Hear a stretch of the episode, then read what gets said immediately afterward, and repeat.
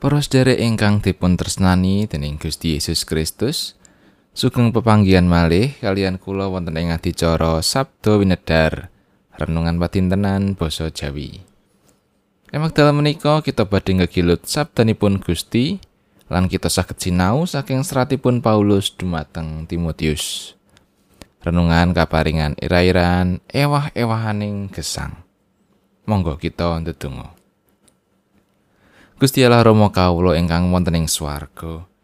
Kawula ngaturaken pamuji syukur awit berkah paduka ingkang tansah kawula raosaken. Duh Gusti emak dalem menika ugi kawula badhe nampeni sabda paduka. Mugi kawula kasagetaken mangertosi lan nindakaken dawuh paduka ing sauruting gesang kawula. Kawula manungsa ingkang ringkih. Tasih kathah nindakaken dosa lan kelepatan ingkang cengkah kalian kersa paduka. Mugi Gusti kersa paring pangaksami. Matur nuwun Gusti. Wonten ing asmanipun Gusti kawula Gusti Yesus Kristus. Amin. Setunggal Timotius bab setunggal ayat kalih welas ngantos kalih dosa.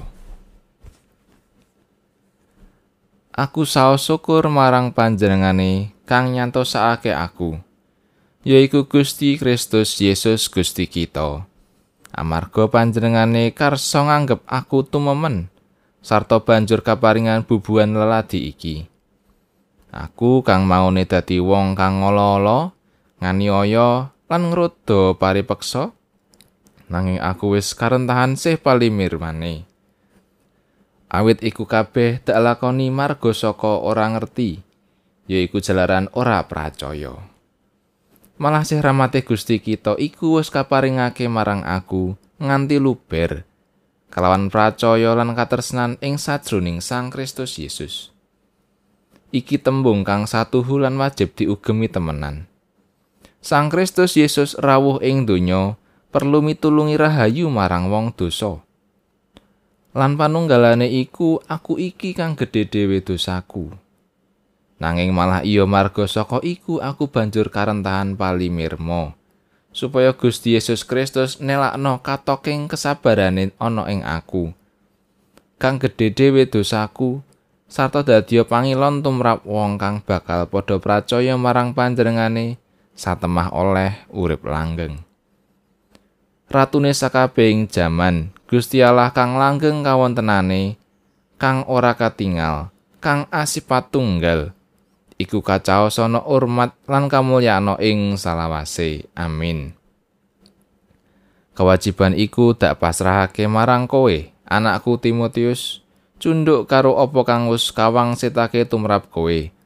Supaya marga saka kasantosake dening wangsit iku kowe banjur nglakoni perang kang utama kalawan ngantepi ing pracaya lan swaraning batin kang becik. Ana wong sawetara kang wis ngemoi swaraning batine kang becik iku satemah pracayane ilang. Panunggalane yaiku Himeneus lan Alexander kang wis tak pasrahake marang iblis supaya padha kapok anggone ngolo-olo. Makaten pangandikanipun Gusti, ayatna saking ayat 13. Aku kang maune dadi wong kang ngolo-olo, nganiaya lan ngruda paripeksa, nanging aku wis karentahan sih palimir maneh. Awit iku kabeh tak lakoni marga saka ora ngerti, yaiku jalaran ora percaya. FX Hadi Rudyat mau menika mantan preman ingkang samangke dados Superman utawi pemimpin. Piyambakipun kagungan prinsip dados pemimpin ingkang leladi sanes pemimpin ingkang waosi. Ing gesangipun kala rumiyin piyambakipun remen mabuk-mabukan lan dados preman. Ananging sakmenika sampun dados tiang nomor setunggal ing kitha Solo. Ewah-ewaning gesangipun FX Hadi Rudiatmo dados bab ingkang temtu narik kawigatosan lan dados inspirasi. Inggih temtu amargi Gusti ngrentahaken sih palimirmanipun Mila menapa kemawon saged kelampahan manut kersanipun. Minangka pemimpin, Rasul Paulus mboten nutupi cariyos gesangipun ing mangsa kepengker. Rumiyin piyambakipun menika dados tiyang ingkang ngolo-olo, nganiaya, lan ngrodo paripeksa para pandharekipun Gusti Yesus. Ananging Gusti maringaken kesempatan kedua kangge ngluhuraken asmanipun lumantar gesangipun Rasul Paulus. Paulus ngalami ewah-ewahaning gesang. Samenika piyambakipun dados abdinipun Gusti ingkang setya. Piyambakipun boten gumunggung ananging nglengganani bilih sedaya ingkang kelampan ing gesangipun menika awit sih palimirmo lan sih rahmatipun Gusti. Mila piyambakipun estu ngakeni pakaryanipun Gusti ingkang ageng ing gesangipun. Gracia sih rahmat nuhaken gratitud utawi syukur. Mekaten ingkang kalampan ing gesangipun Rasul Paulus. Piyambakipun ngengeti gesangipun kala rumiyin lan bombong sanget tumrap pakaryanipun Gusti ing gesangipun. Ewaning gesang kedahipun boten dipun tanggapi kanthi gumunggung, ananging kanthi panuwun syukur lan kanthi ngangeti agenging sirah paliwirmanipun Gusti dhateng kita. Pilih kita menika sanes sinten-sinten lan boten saged menapa-menapa tanpa panjenengane. Kita dados sae menika namung awet sih rahmatipun Gusti ingkang kedah tansah kita syukuri. Amin.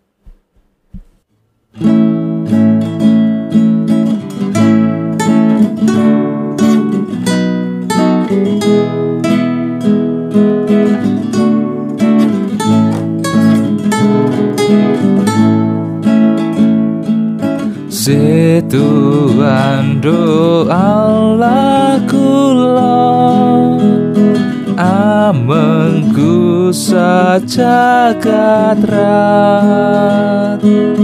Paring Tuhan tumpo-tumpo Siang telu amirat. Sawarnining Tita Tuhan Lineban kasainan. Ananda nikah sempurna Ing Tuhan tan cacat.